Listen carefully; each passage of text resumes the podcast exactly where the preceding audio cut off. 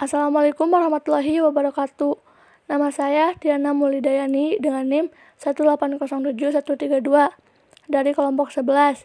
Di sini saya akan memberikan komentar mengenai materi model proses keputusan inovasi.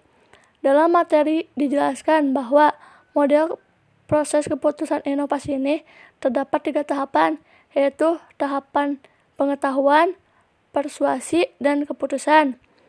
Saya setuju dalam model proses keputusan inovasi ini e, mempunyai tiga tahapan.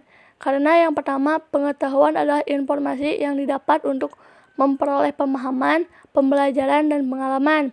Yang kedua, e, persuasi adalah pengambilan keputusan inovasi individu membentuk sikap yang menguntungkan atau tidak menguntungkan terhadap inovasi.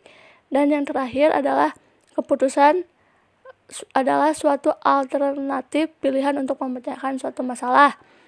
Selanjutnya, di sini saya akan bertanya kepada penyaji, yaitu saudari Anissa Amalia. Pertanyaannya, bisakah memberikan contoh mengenai pengambilan keputusan inovasi dalam bidang pendidikan? Sekian dari saya. Wassalamualaikum warahmatullahi wabarakatuh.